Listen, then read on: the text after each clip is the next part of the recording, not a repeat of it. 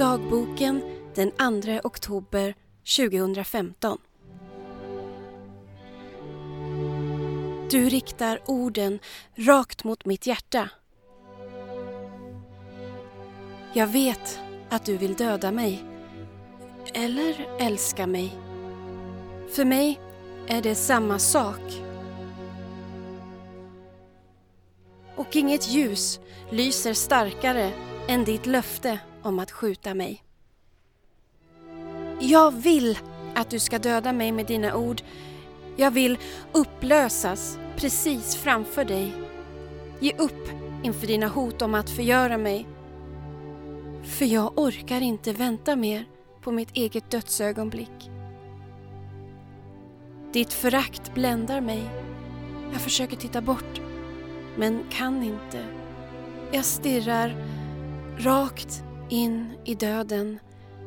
Eller in i hjärtat av din kärlek. Jag kan inte se skillnad. Då händer det. Du skjuter dina ord rakt in i mitt hjärta. Kulor av giftig eld. Jag kan inte andas. Vill inte. Orkar inte.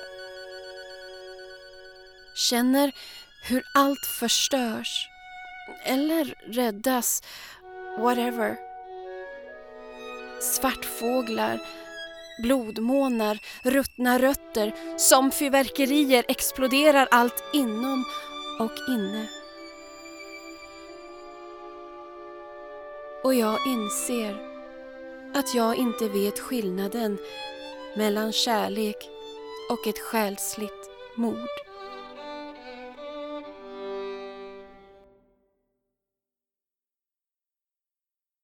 Jag tycker det här lilla stycket ur min terapidagbok är en passande inledning till denna andra avsnittsdel om narcissism i familjen.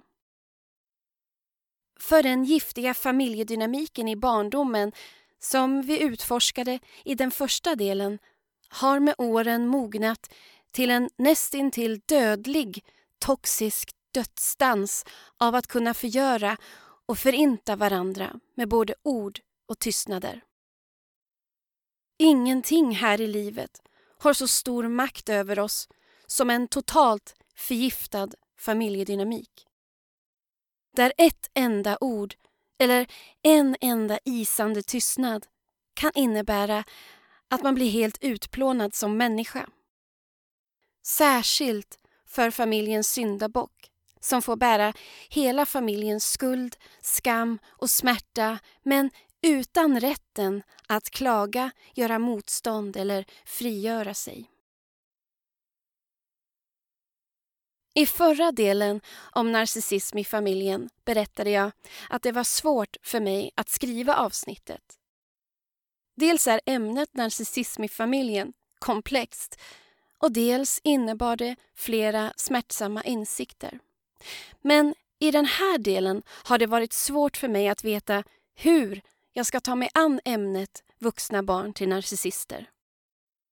Eller rättare sagt, från vems perspektiv jag ska berätta om det. Eftersom narcissistisk familjedynamik består av bestämda, fixerade roller så ser man olika på dynamiken och på det som hänt inom familjen beroende på vilken roll man har haft i den. Guldbarnets narrativ om att ha underbara föräldrar som alltid stöttar och ställer upp kommer skilja sig från syndabockens berättelse om hur familjen ständigt sviker, fryser ut och skuldbelägger. Det osynliga barnet kanske till och med inte har mycket av en familjeroll att berätta om eftersom hen så ofta glöms bort eller ignorerats.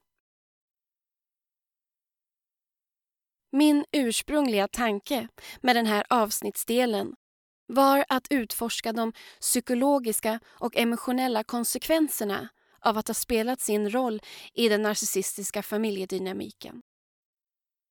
Och jag tänkte först lägga största fokus på den vuxna syndabocken av det enkla skälet att jag tycker att hen förtjänar vårt största fokus och all vår kärlek.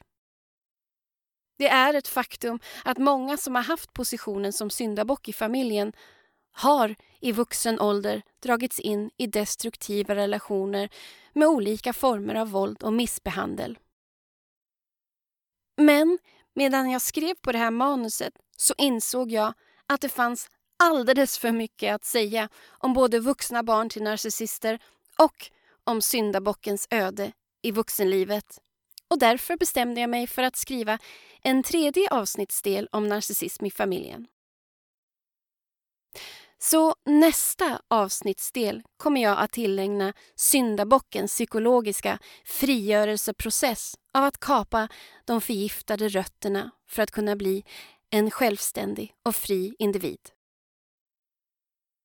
Och I den här delen kommer vi fördjupa oss i hur den narcissistiska familjedynamiken formar barn till vuxna individer med djupa, komplexa själasår.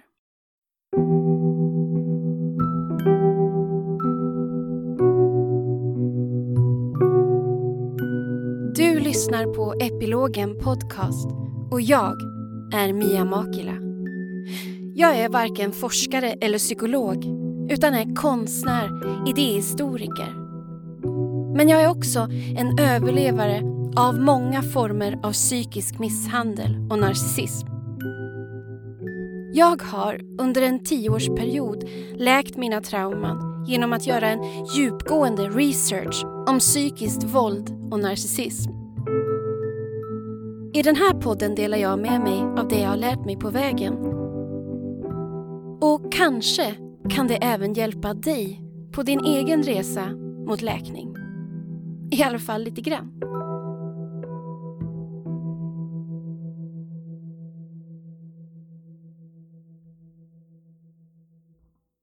Den giftiga familjedynamiken har med åren förstärkt de positioner och roller som vi pratade om i förra delen. Men en viktig detalj i sammanhanget är att vuxna barn till narcissistiska föräldrar fortfarande ses som barn av narcissisten och kanske även av den hjärntvättade tillåtaren. Så även om barnen har blivit vuxna rent lagligt och åldersmässigt så har de inte tillåtits att bli sina egna individer.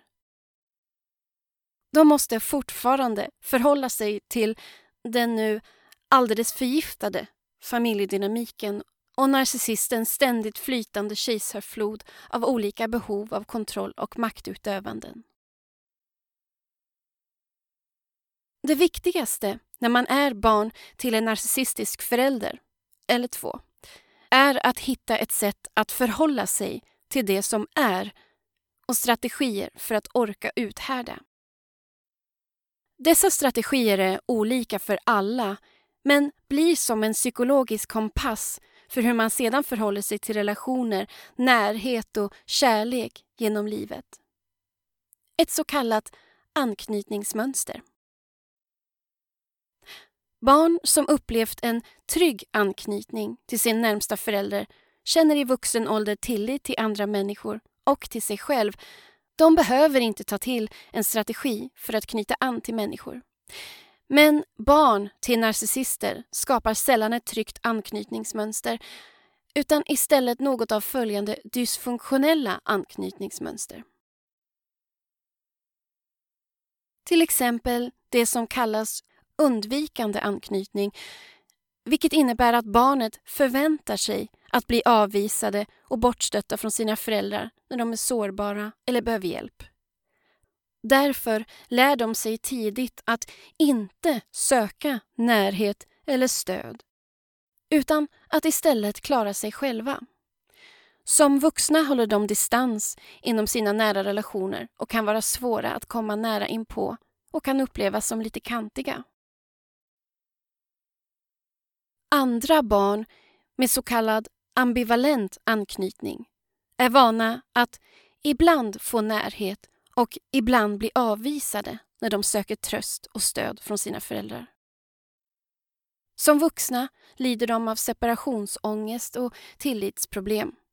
De har en ständigt pockande rädsla för att när som helst bli avvisade och övergivna vilket leder till dålig självkänsla och att de upplevs som needy eller osäkra. Många med ambivalent anknytning undviker helt enkelt nära relationer för att inte bli sårade. Den mest allvarliga formen av ett dysfunktionellt anknytningsmönster är så kallad desorganiserad anknytning som ofta utvecklas hos barn som växer upp med olika former av misshandel eller känslomässig försummelse.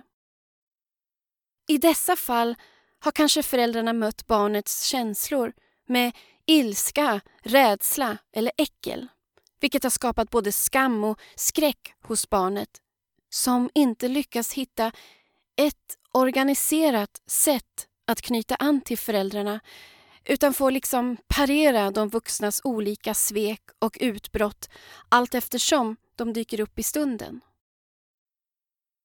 Eftersom de aldrig vet exakt vad de kan förvänta sig av sina föräldrar så leder detta till svåra relationsstörningar och tillitsproblem senare i livet. De vill ha kärlek och närhet men är livrädda för att ta emot det eftersom de inte vet vad de kan förvänta sig. Många med desorganiserad anknytningsstil upplever en form av maktlöshet när de går in i en nära relation. Som att de har offrat eller gett upp något för att få känna sig samhöriga och älskade. Andra med desorganiserad anknytning självsaboterar för att känna sig mindre maktlösa. Ja, de inbillar sig att de kontrollerar rädslan genom att verkställa ett worst case scenario som blir då ett slags självuppfyllande profetia. Alla barn till narcissister formar ett anknytningsmönster och hittar sitt sätt att uthärda. En del klarar sig bra medan andra går under.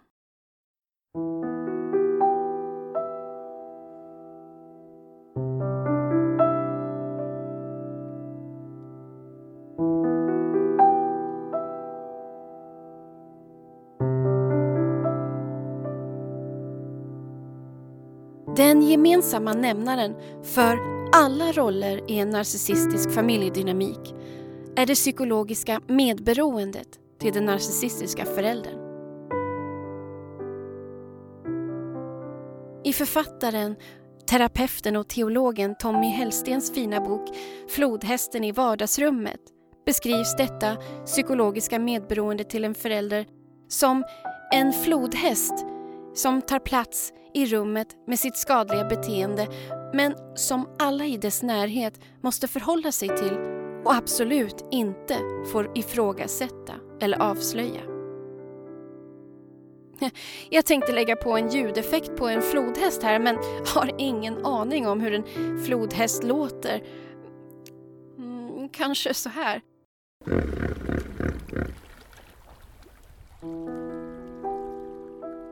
Nåväl.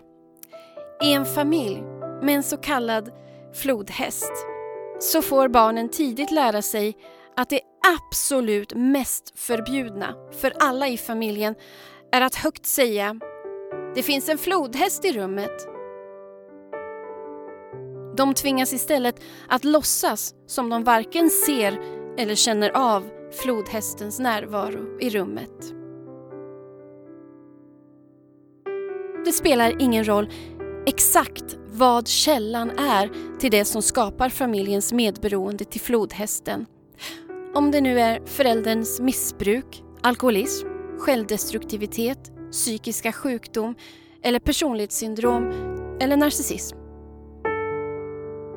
När det kommer till en narcissistisk förälder så kan det ju vara en kombination av flera av dessa saker men för att belysa exakt hur skadligt det är med ett narcissistiskt föräldraskap i sig så stryker vi andra former av destruktiva aktiviteter och fokuserar endast på det psykologiska och känslomässiga våldet som källan för familjens medberoende.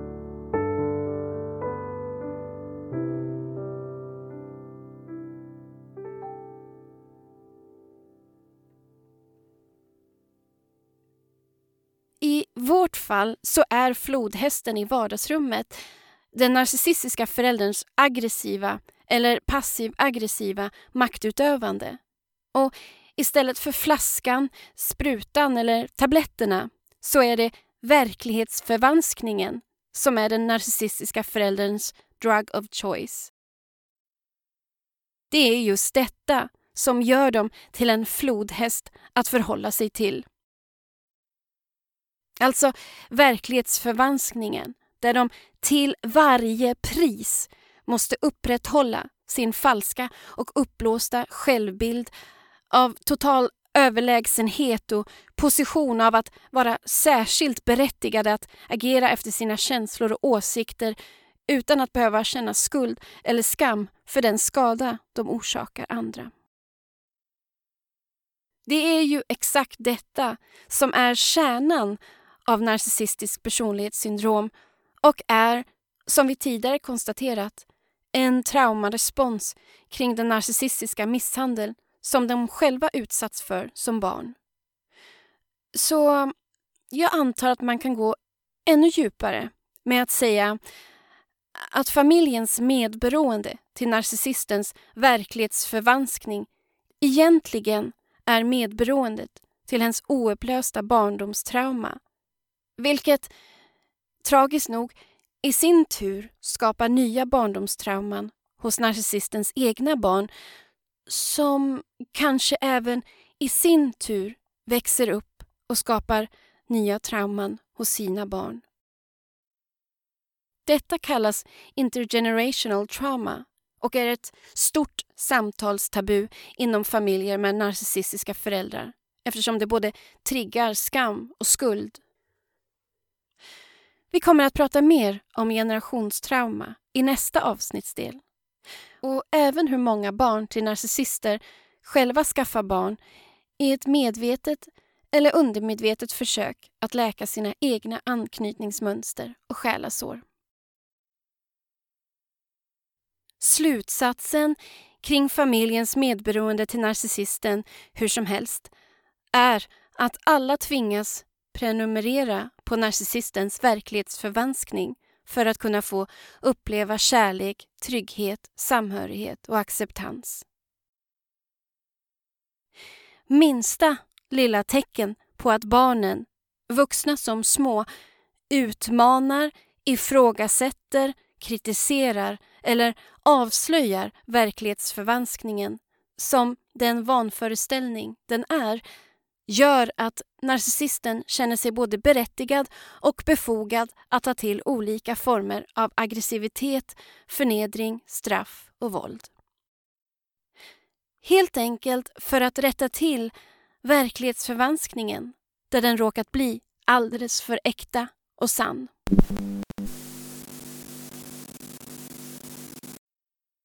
När vi pratar om narcissism i familjen är det lätt att glömma de små familjeenheterna.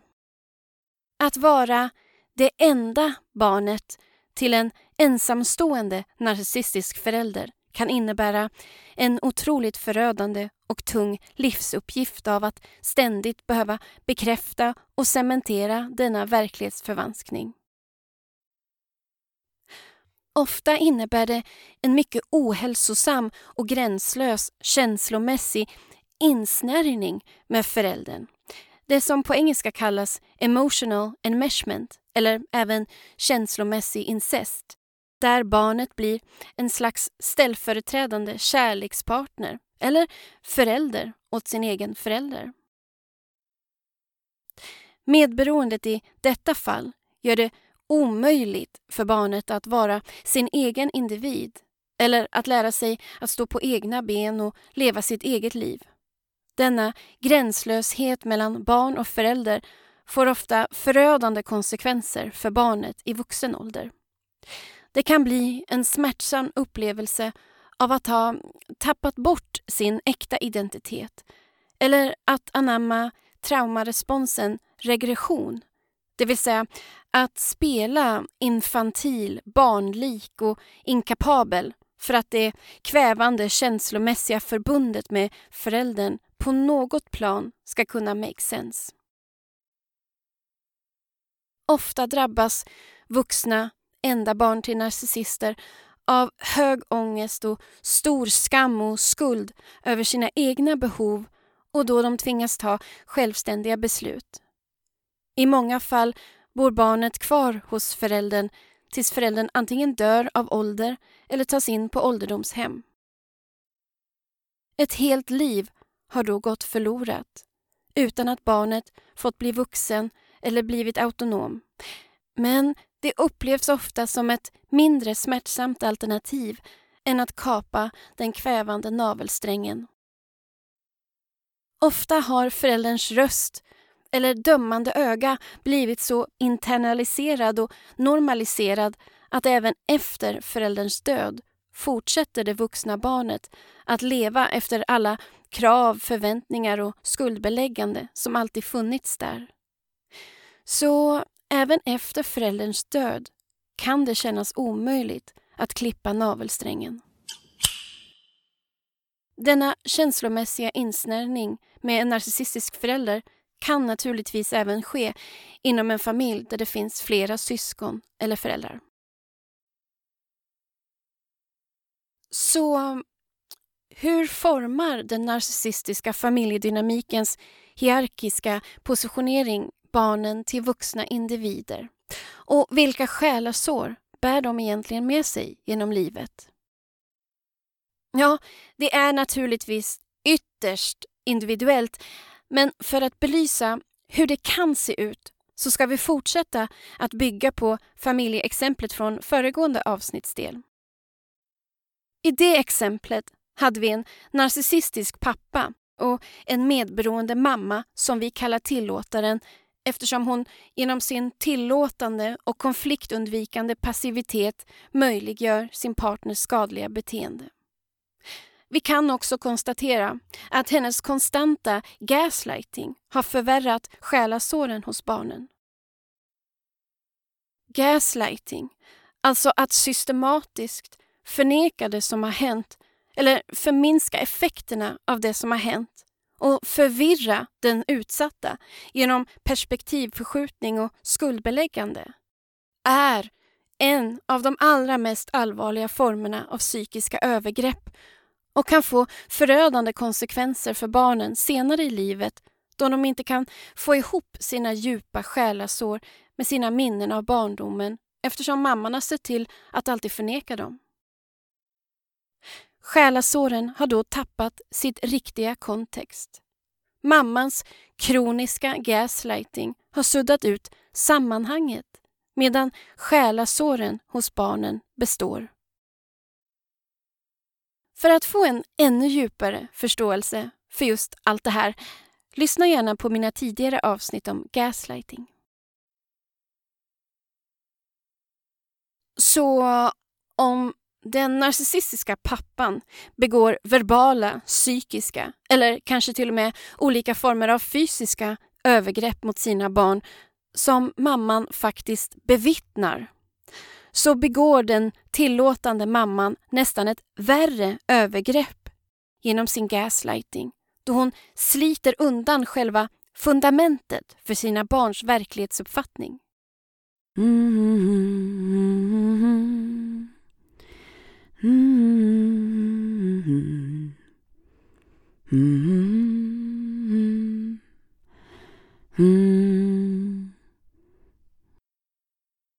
Typ om mamma säger att det jag upplevt inte har hänt, eller att det inte hände som jag minns det, eller att det var mitt fel, det var jag som provocerade fram det, eller att jag överdrivit allt, eller rent av hittat på det som har hänt. Ja, då kan inte jag lita på mina egna sinnesintryck eller min förmåga att ta in och förstå verkligheten eller mina egna känslor.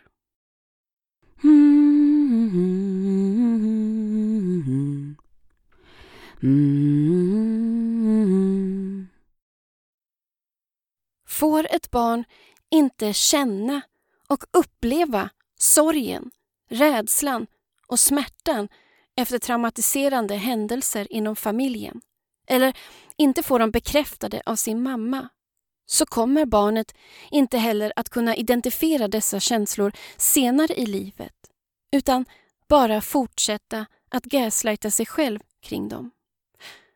Barn speglar sina känslor i sina föräldrar, särskilt genom sin mamma.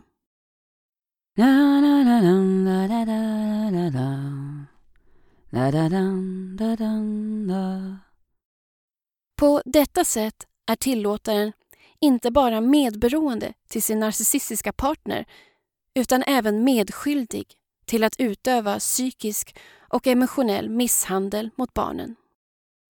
Detta kanske låter hårt, men faktum kvarstår att den tillåtande mamman faktiskt varit ett vittne till sin partners misshandel av barnen men därefter valt att förvanska sitt vittnesmål till förmånen av att själv slippa konfronteras med det som skett. La, la, la, la, la, la. La, la, la, da, da, da, Tänk på det här. Den som vittnar i en rättegång börjar alltid med att avlägga en vittnesed som går så här. Jag lovar och försäkrar på heder och samvete att jag ska säga hela sanningen och intet förtiga, tillägga eller förändra. Att förneka, förvränga och undanhålla fakta i en rättegång är att begå mened, vilket är ett lagbrott. På ett liknande sätt begår tillåtaren ett psykologiskt och själsligt brott när hon gaslightar bort sanningen om vad hennes barn tvingas utstå inom familjen. De vuxna barnen hyser ofta oerhört komplexa känslor inför tillåtaren. Även om hon kanske faktiskt varit den bästa mamman hon förmått sig vara under omständigheterna så har hon ändå gjort skada. Hon är både en good mother som funnits där och en bad mother som inte skyddat sina barn på det sätt som en mamma faktiskt ska skydda sina barn. På det sätt som hon är skyldig att skydda sina barn. I paragraf nummer 16 i barnkonventionen från FN står det tydligt. Barn ska skyddas mot alla former av fysiskt eller psykiskt våld, skada eller övergrepp, vanvård eller försumlig behandling, misshandel eller utnyttjande.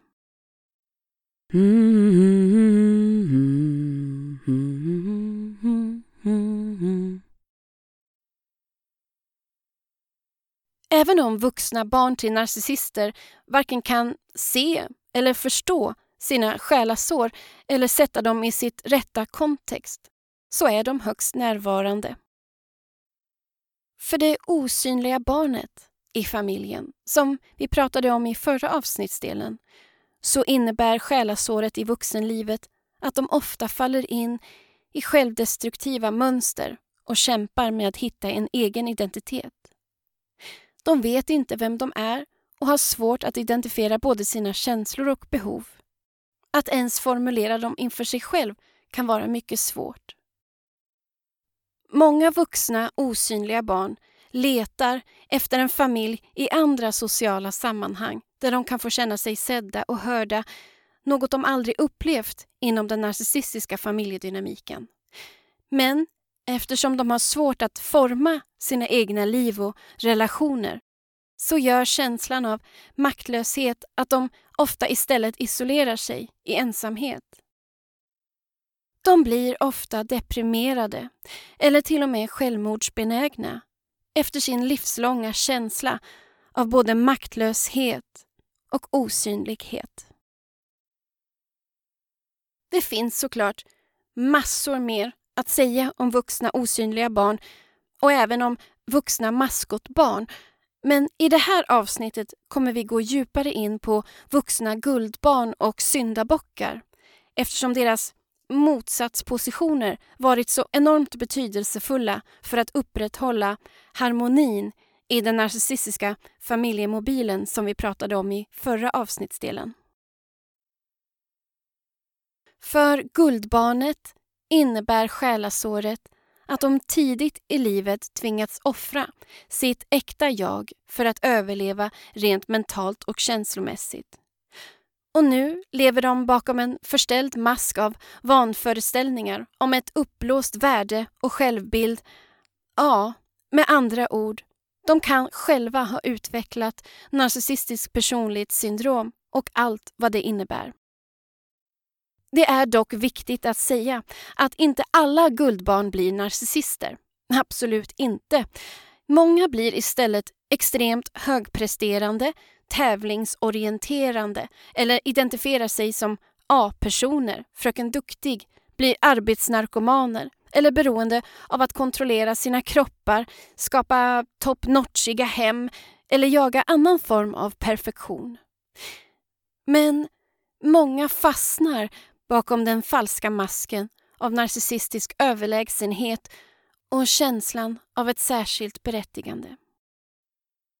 Några uppvisar narcissistiska drag medan andra utvecklar NPD, narcissistiskt personlighetssyndrom. Den narcissistiska masken av överlägsenhet har i det sistnämnda fallet blivit en del av det vuxna guldbarnets personlighet. Den sitter som inbränd i köttet och går därför inte att befria sig från. Och även fast guldbarnet är föräldrarnas favoritbarn och därmed får deras kärlek, uppskattning och bekräftelse utan att egentligen ha behövt anstränga sig genom att vara en god människa, så vet guldbarnet att kärleken är villkorad.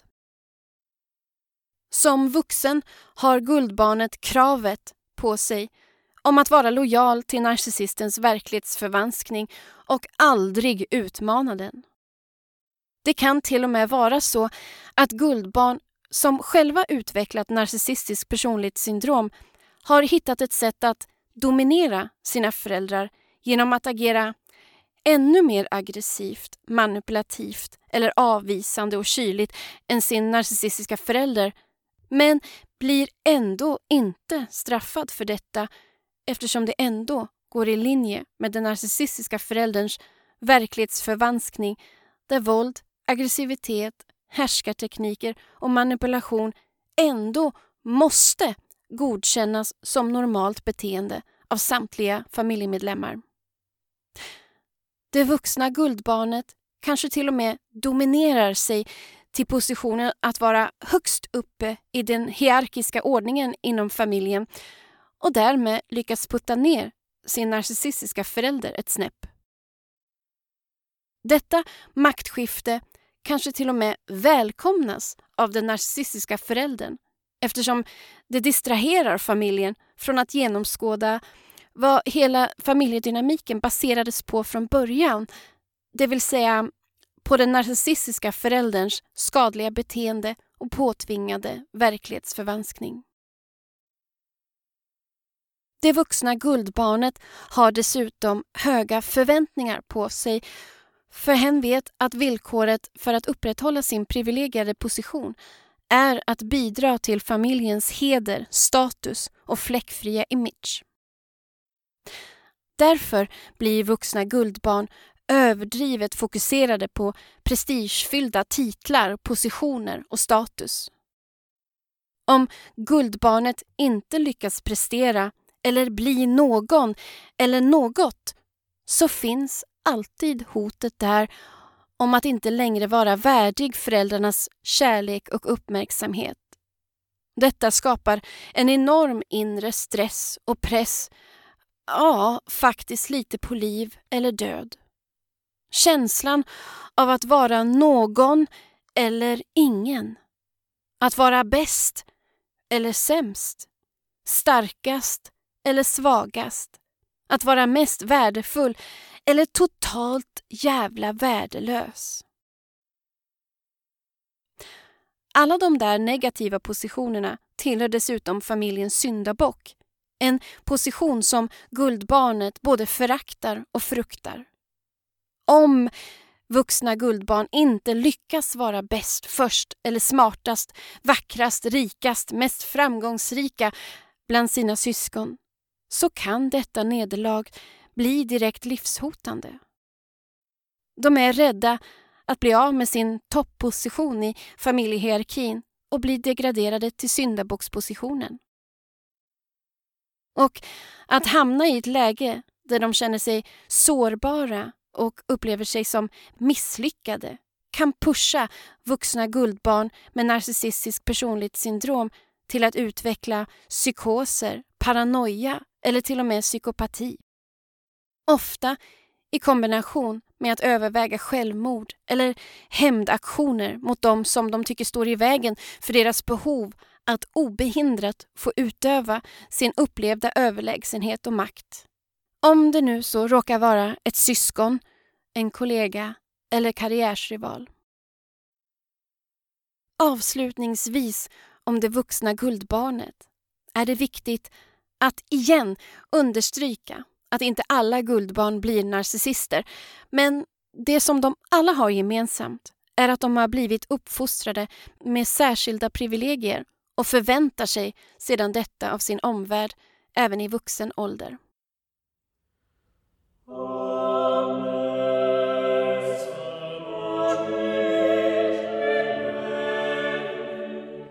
Egenskap av idéhistoriker vill jag här lägga till en personlig betraktelse av vår samtid. Idag blir många barn uppfostrade som guldbarn även fast föräldrarna inte är narcissister. Vi lever i ett samhälle som förespråkar och hyllar narcissistiska ideal. Vi får tidigt veta att vi kan bli precis vad vi vill, vem vi vill utan att vi ens behöver vara särskilt begåvade för att nå toppen och ses som storartade människor. Vi kan dessutom numera lätt forma och bekräfta oss själva exakt så som vi själv önskar och vill se oss själva med ett litet klick.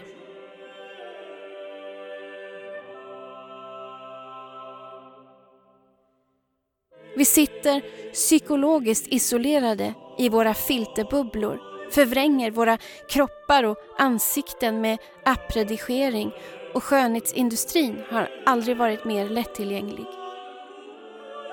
Vi bär alla på ett oerhört viktigt personligt varumärke och är man inte aktiv med sitt varumärke så existerar man knappt, får vi lära oss.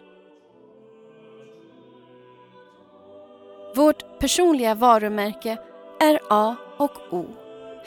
Hur vi ser ut, vad vi väger, hur vi bor, hur vi klär oss, hur vi blir på bild, hur vi uttrycker oss, vilka åsikter vi har, hur många följare vi har, hur många likes vi får eller hur mycket engagement vi drar till oss.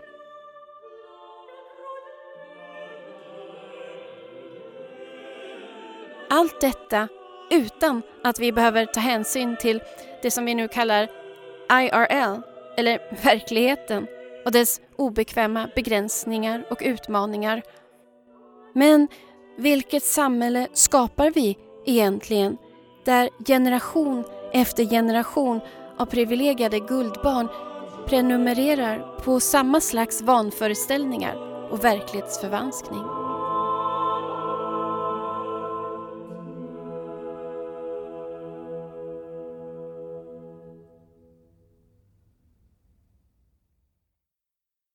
Så vilka själasår tvingas då familjens syndabock att leva med i vuxenlivet? Ja, vilka själasår lever hon inte med? Kanske en bättre fråga. Eftersom den vuxna syndabocken är som en, ja, vad ska man kalla det, en personifiering, ett förkroppsligande av familjens hemliga, sjuka dynamik med all psykisk misshandel, alla trauman och all skit som sopas under mattan. På ett sätt är den där vuxna syndabocken familjens skitiga matta. Det är i henne, eller honom, som familjen med våld har knölat ner allt ansvar, skam och skuld som tillhör dem själva. På ett sätt är syndabocken hela familjens själasår. Men hon tvingas bära smärtan och lidandet alldeles ensam och under absolut tystnad. Jag rekommenderar avsnittet som heter Ditt lidande, narcissistens reningsbad för det handlar just om att tvingas lida i det tysta och vilka konsekvenser det ger för ens mående och hälsa. Syndabockens själasår sitter främst i deras kreativa överlevnadsstrategi. De flesta av er känner säkert till de tre överlevnadsstrategierna Fight, Flight eller Freeze. Men få vet om att det finns en fjärde, nämligen FAN, eller att vara inställsam och att fjäska. Och jag gissar på att det är den allra vanligaste formen av överlevnadsstrategi för syndabockar i familjer med narcissistisk förälder. För tänk så här. Vad händer med syndabocken om hen försöker stå upp för sig själv inför narcissistens våld och förnedring? Alltså, det vill säga att ta till fight-strategin. Jo, narcissisten skulle bara bli ännu mer ursinnig och ta till mycket värre former av bestraffning. Och vad skulle hända om syndabocken försöker rymma genom att ta till flight-strategin? Jo, narcissisten använder då sina allierade flying monkeys för att misshandla syndabocken åt honom på distans. Detta kallas även abuse by proxy. Om syndabockar skulle rymma skulle de dessutom bli straffade för sin upproriska självständighet när de väl återvänder. Så nej, den strategin funkar inte heller. Och kanske värst, om syndabocken blir mentalt paralyserad i en freeze-respons och bara står som fastklistrad på sin plats, ja, så är det en ypperlig situation för narcissisten att i lugn och ro kunna förgöra syndabocken utan att de gör något som helst motstånd. Nej, det vore förödande.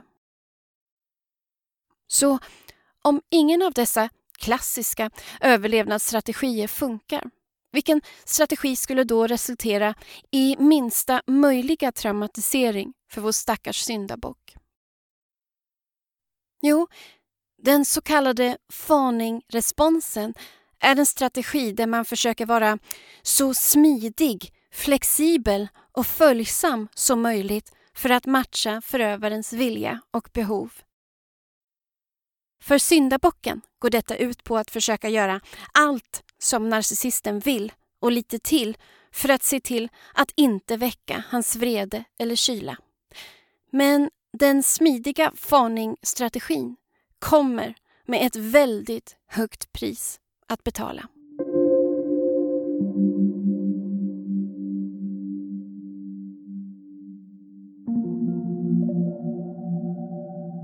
Medan de flesta föräldrar lär sina barn att skydda sig mot andra människors abusiva beteenden och tillåter barnen att sätta hälsosamma gränser gentemot sina föräldrar. Så formar narcissistiska föräldrar sina syndabocksbarn till att faktiskt tillåta en undergiven position gentemot andra där de inte får ha några gränser runt sig, inte får lov att säga nej, inte får lov att använda sin röst och inte får lov att uttrycka sina egna behov. Det är att grooma sina barn till att tillåta misshandel och olika former av våld och förnedring.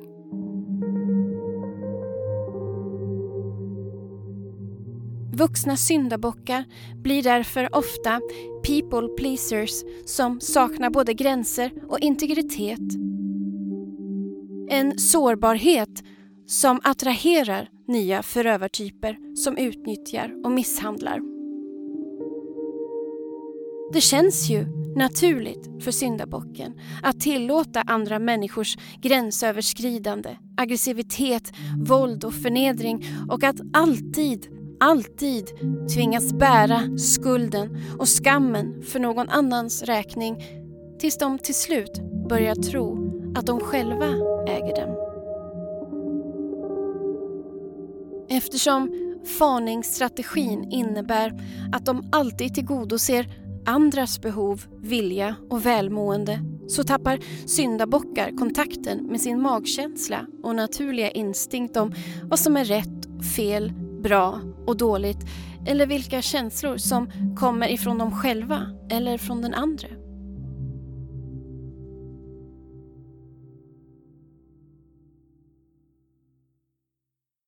Syndabockar har under hela sitt liv haft som en undermedveten ritual att alltid skanna av sin omgivning för att kunna avgöra hur de ska förhålla sig till situationen och vad som krävs av dem. Den vuxna syndabocken har därför blivit en högkänslig individ som kan läsa av andras energier, vibrationer, beteendemönster, kroppsspråk och tonlägen. Men tolkningen av dem blir både skev och missvisande.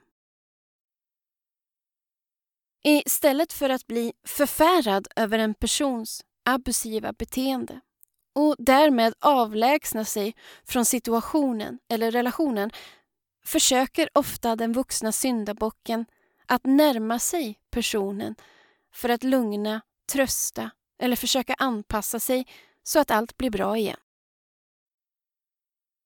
Syndabocken känner också att hen måste ge av sin kärlek för att fylla den abusiva personens inre tomrum eftersom det uppenbarligen finns mycket ilska och sorg där. För det är så de har lärt sig att agera gentemot sin abusiva, narcissistiska förälder.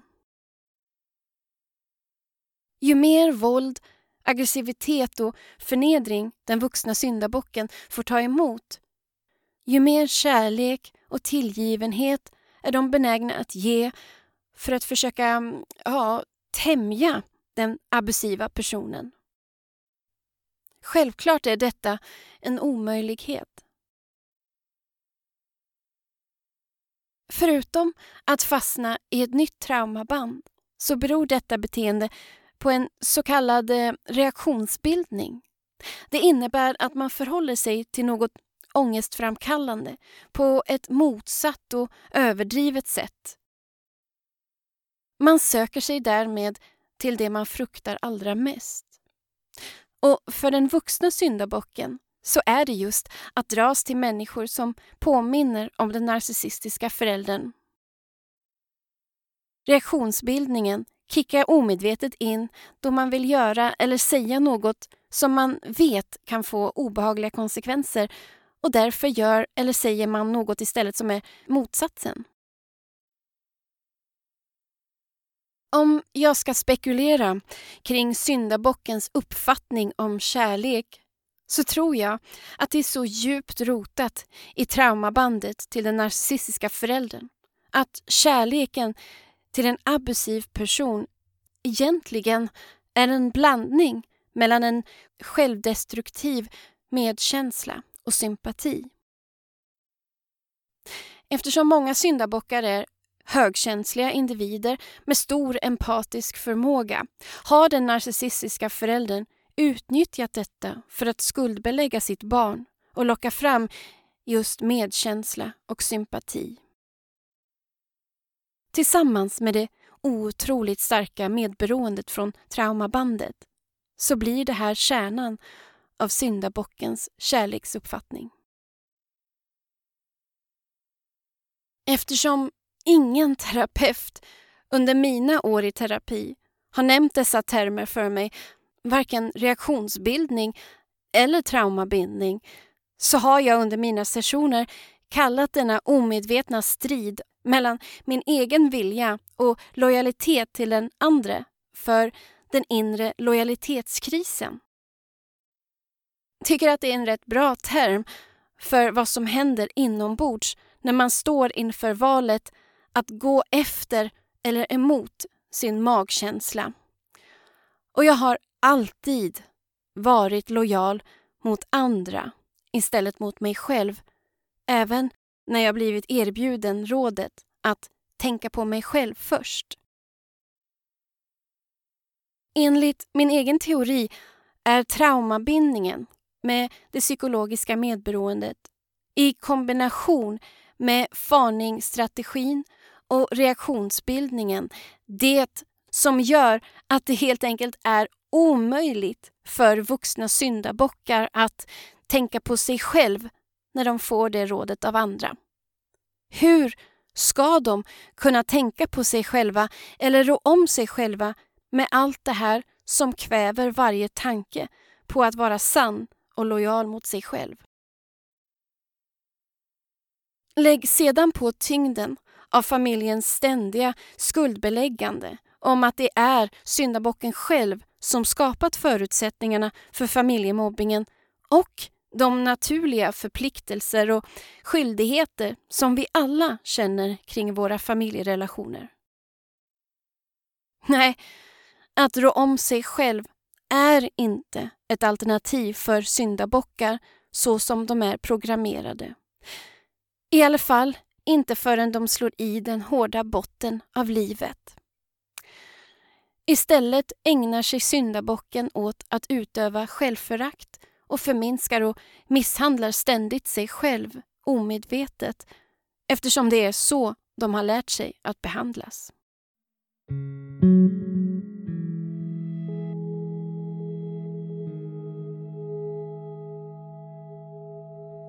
Syndabockar, liksom många vuxna barn till narcissister, vet inte om att de lider av komplex PTSD eller så kallad CPTSD. Det kallas komplex eftersom det har inneburit trauma på trauma på trauma istället för en enda traumatisk händelse. Dessutom har familjens normalisering av traumatiska incidenter resulterat i att det, ja, det går inte ens att uppfatta sina upplevelser som traumatiserande. Vuxna barn till narcissister uppfattar ofta inte ens att deras uppväxt har varit traumatiserande. Det beror dels på den sektliknande dynamiken där allt ju är trevligt så länge alla accepterar sin position och spelar sin roll och bara följer narcissisten kejsarflod som vi pratade om i förra delen. Det beror också på det starka traumabandet till den narcissistiska föräldern vilket gör det mycket skamfullt att prata i negativa termer om en skadliga beteende. Många terapeuter missar därför ofta symptomen på komplex PTSD och många vuxna barn till narcissister diagnostiseras därför felaktigt med depression eller ADHD. Eftersom syndabockar ofta är full av motstridiga känslor då de både lider av andras abusiva beteende och känner sig hemma i traumaband och abusiva relationer så diagnostiseras många syndabockar med borderline istället för komplex PTSD. Syndabockar upplever ofta perioder av depression, kronisk ångest och är lättriggade för panikångest. De blir ofta utbrända, sjukskrivna, arbetslösa, känner stor hopplöshet och maktlöshet. Därför kan de upplevas som tafatta, ynkliga, sköra, sårbara, oförmögna och drar på sig övervikt av både stresshormonet kortisol och tröstätning. Eller så får de ätstörningar, slutar sköta om sig själva och hittar inte stabilitet inom sig själva i sina relationer eller i livet i stort. Kanske går de in och ut ur nya destruktiva relationer. Eller så blir det några rundor in och ut från psyket. De retraumatiseras ständigt genom att attrahera nya förövartyper som tar och tar och tar medan de ger och ger och ger. Precis som i sin relation med den narcissistiska föräldern.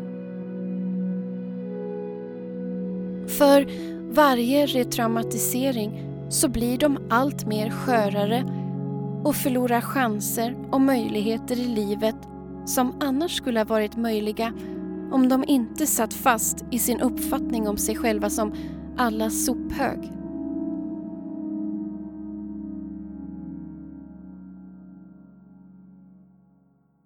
Ja, livet är tungt för syndabocken.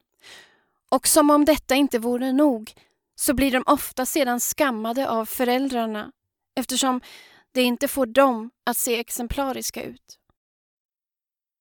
När syndabockens liv ännu en gång kraschar så kanske föräldrarna ställer upp med praktisk eller ekonomisk hjälp men är samtidigt noga med att betona hur jobbigt det är för dem att ständigt behöva oroa sig eller hur denna katastrofala krasch förstört deras välförtjänta semesterresa eller sinnesro.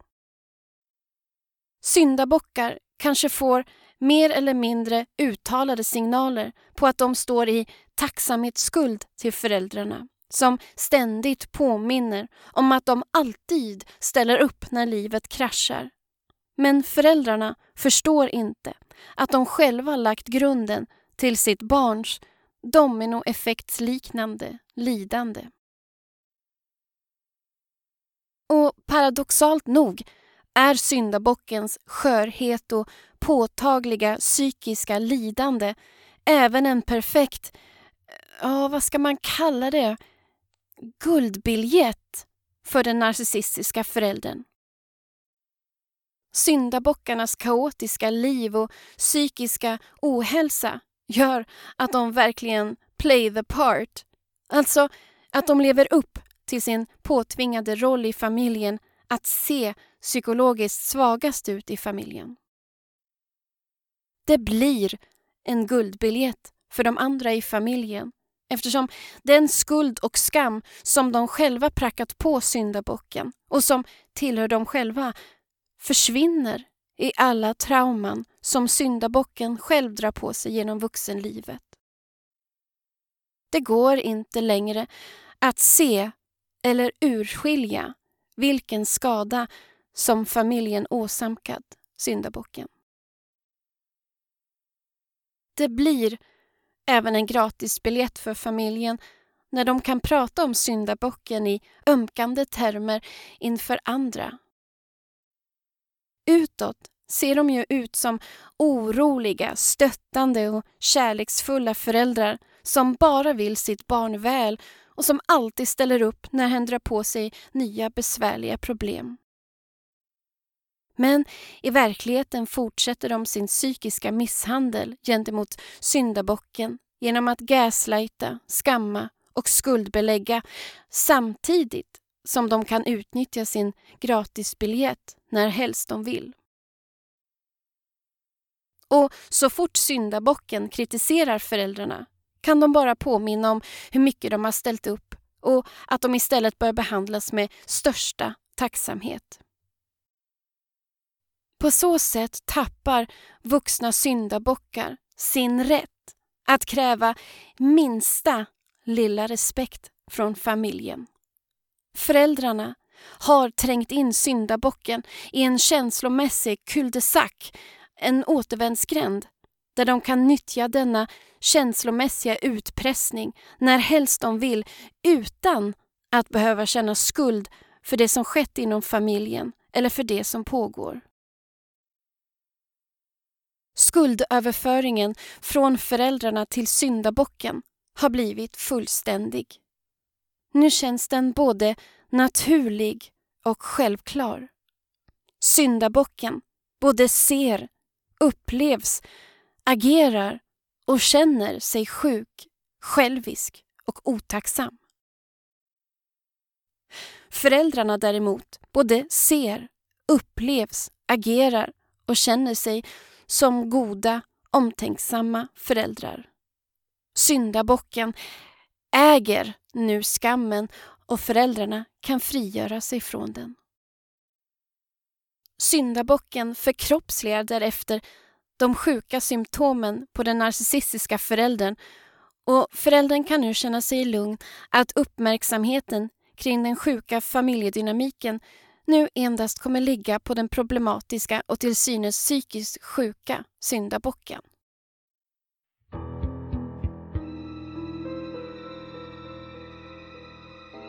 Försöker syndabocken stå upp för sig själv gentemot föräldrarna kan de säga Jag upplever dig manisk. Har du tagit din tablett? Eller Det går inte att nå dig just nu. Jag vet inte hur jag ska hantera din aggressivitet. Det är just detta som kallas reactive abuse, eller reaktiv misshandel. Där reaktionerna från den som blir psykiskt misshandlad används emot dem. Utövaren beter sig lugnt och sakligt genom passiv aggressivitet och subtil dog whistling, det vill säga subtila undertoner och psykiska och emotionella tjuvnyp som endast den som blir utsatt kan uppfatta. Medan den utsatta ser både aggressiv och obalanserad ut om de reagerar på det. Om detta berättar jag mer detaljerat om i avsnittet Ditt lidande, narcissistens reningsbad. Jag kan verkligen inte tänka mig något värre än allt det här. Det måste vara bland de grymmaste formerna av svek och övergrepp som en människa kan utstå här i livet. Och tanken svindlar när jag tänker på hur många syndabockar som genom tiderna har blivit tvångsintagna, lobotomerade eller drivits till självmord på grund av exakt denna ofattbart orättvisa psykologiska skuldöverföring från sin familj.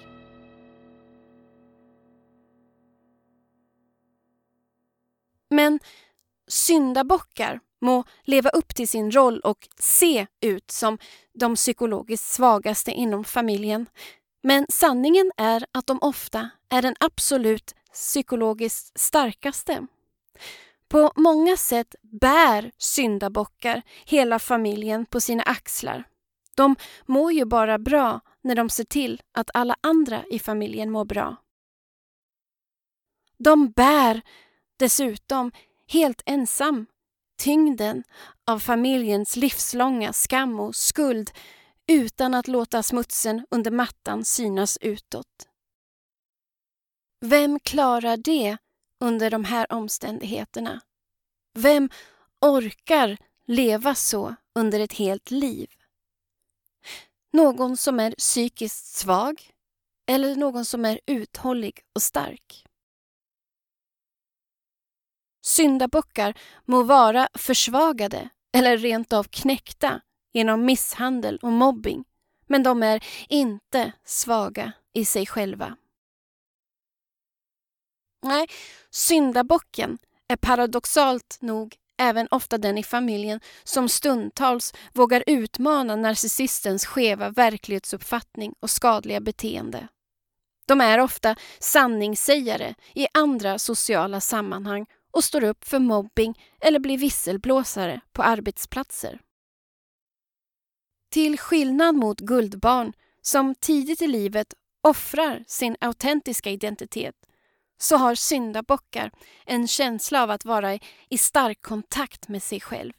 Även fast det finns så mycket lojalitetskonflikter och traumaskit i vägen som blockerar dem från att leva ut sitt autentiska jag. Men det är ändå en viktig ambition för syndabockar. Att få vara sig själv och att få leva ett äkta och ärligt liv baserat på sin egen vilja och sina egna behov. Ironiskt nog är det inte förrän de når botten av livet som detta faktiskt blir en möjlighet. Det sker ofta i samband med en livskris då de söker sig till vården och får en terapeut som börjar slita och dra i de giftiga rötterna. Som vi varit inne på tidigare så är den narcissistiska familjeenheten uppbyggd som en sekt där narcissisten och hans tillåtare har skapat en sluten psykologisk miljö där alla former av kritik och ifrågasättande tystas ner och straffas för att normalisera narcissistens skeva verklighetsuppfattning och uppblåsta självbild. Verklighetsförvanskningen är familjens religion. Det vill säga den heliga vanföreställningen om att de är en helt normal, lycklig familj och att den narcissistiska förälderns beteende inte alls är abusivt. När terapeuten börjar ifrågasätta denna verklighetsförvanskning så tänker jag på det som om terapeuten liksom knackar med en sked på ett ägg. Vad händer med äggskalet när man knackar på det med en sked? Jo, det krackelerar. Krackeleringarna möjliggör att man kan ta sig in till det som finns dolt innanför skalet. När terapeuten börjar knacka upp större och större sprickor i äggskalet börjar också en lång och smärtsam uppvakningsprocess för syndabocken. Ja, ungefär som för människor som börjar vakna upp ur den stängda miljön från en sekt. Ju mer de vaknar upp ur familjens skeva verklighetsförvanskning, manipulation och gaslighting, desto mer skär sig verklighetsförvanskningen mot den verkliga verkligheten. Och ju mer de börjar återerövra sin egen identitet och sanning, desto mer skär sig det äkta och sanna jaget med den påtvingade, krävande rollen som familjens syndabock. Det här låter så enkelt och befriande, men det är komplext, svårt och smärtsamt. Eftersom allt inom den narcissistiska familjen handlar om att hålla sanningen på avstånd så ses detta uppvaknande som ett hot av familjen som till varje pris vill upprätthålla status quo. Om detta hotfulla uppvaknande kommer jag prata mer om i nästa del av Narcissism i familjen. För att sammanfatta vår lilla kartläggning av vuxna barn till narcissister och deras själasår så kan vi konstatera att de inte delar samma bild eller upplevelse av barndomen och kan därför inte heller spegla sina minnen i varandra. De delar inte heller exakt samma slags själasår och har svårt att förstå varandras känsliga punkter. Det leder ofta till konflikter, rivalitet och stor förbittring. I den högst ovetenskapliga boken Hela ditt inre och finn ditt sanna jag av Lise Bordeaux, som på ett ja, psykologifilosofiskt sätt beskriver hur själasåren från våra barndomstrauman skapat de masker vi bär för att dölja dem. Bordeaux beskriver hur allt hör ihop. Både våra fysiska, känslomässiga och psykiska problem. Boken utforskar hur alla dessa problem har sin grund i barndomstrauman som avvisning, övergivenhet, förödmjukelse, svek och orättvisa. Och visst har hon rätt. Även fast det inte går att bevisa rent vetenskapligt så läcker liksom våra själasår ut genom våra kroppar. De avslöjas i våra krämpor, i vår hållning om vi försöker göra oss osynliga, uppseendeväckande eller om vi liksom har säckat ihop, inte tagit hand om oss själva eller om vi försöker överkompensera det vi har komplex för.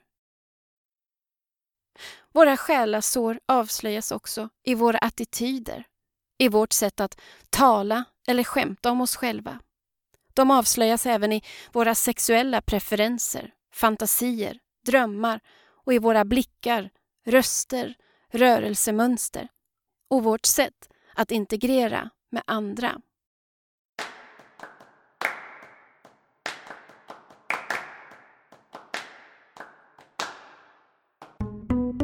För vuxna barn till narcissister avslöjas deras själasår främst hur de ser på sig själva. Syndabockar antar att alla kan se precis hur hemska och värdelösa de är.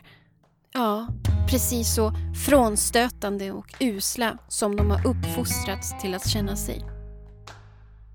Guldbarn däremot kan inte förstå varför inte alla i deras omgivning kan se vilka fantastiska, intelligenta och speciella människor de är eftersom de alltid blivit upphöjda och privilegierade av sina föräldrar utan att egentligen ha gjort sig förtjänta av det. De osynliga barnen har i kontrast med sina syskon mycket svårare att formulera hur de ser på sig själva. Eller rättare sagt, vem de är. Eller om det ens är.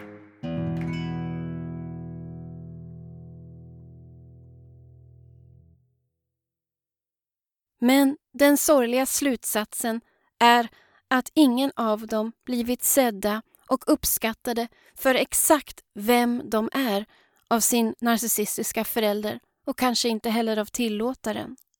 Deras roller och positioner har istället tjänat ett syfte för den narcissistiska föräldern och tillåtarens behov av familjeharmoni. Det är den krassa sanningen. Den gör ont. Så ont att många vuxna barn till narcissister aldrig orkar möta den. Många upplever istället att de står varandra nära i den narcissistiska familjeenheten. En del säger kanske att de står varandra för nära. Men sanningen är att det ofta handlar om starka traumabindningar och gränslös känslomässig insnärjning. Allt är ju också frid och fröjd och harmoniskt så länge alla rör sig efter narcissistens kejsarflod av hans bekvämlighet och vilja. Det vill säga, så länge ingen outar flodhästen för att återkoppla till början av det här avsnittet då vi pratade om Tommy Hellstens bok Flodhästen i vardagsrummet om psykologiskt medberoende. Men i nästa avsnittsdel kommer vi outa flodhästen. Vi kommer då följa syndabockens frigörelseprocess när hon sliter sig loss ur den giftiga familjedynamiken. Och även om du inte just varit familjens syndabock utan haft en annan roll så är uppvaknandet och frigörelseprocessen liknande för de flesta som vill befria sig från de giftiga familjerötterna. Så syndabocken i nästa avsnitt får bli lite av en symbol för det vuxna barnet som vill frigöra sig från sin narcissistiska förälder. Det blir en rörande resa om att hitta modet att lämna den narcissistiska förälderns kvävande kejsarflod och istället börja våga följa sin egen ström av vilja, behov, sanning, frihet och livslust. Så missa inte det.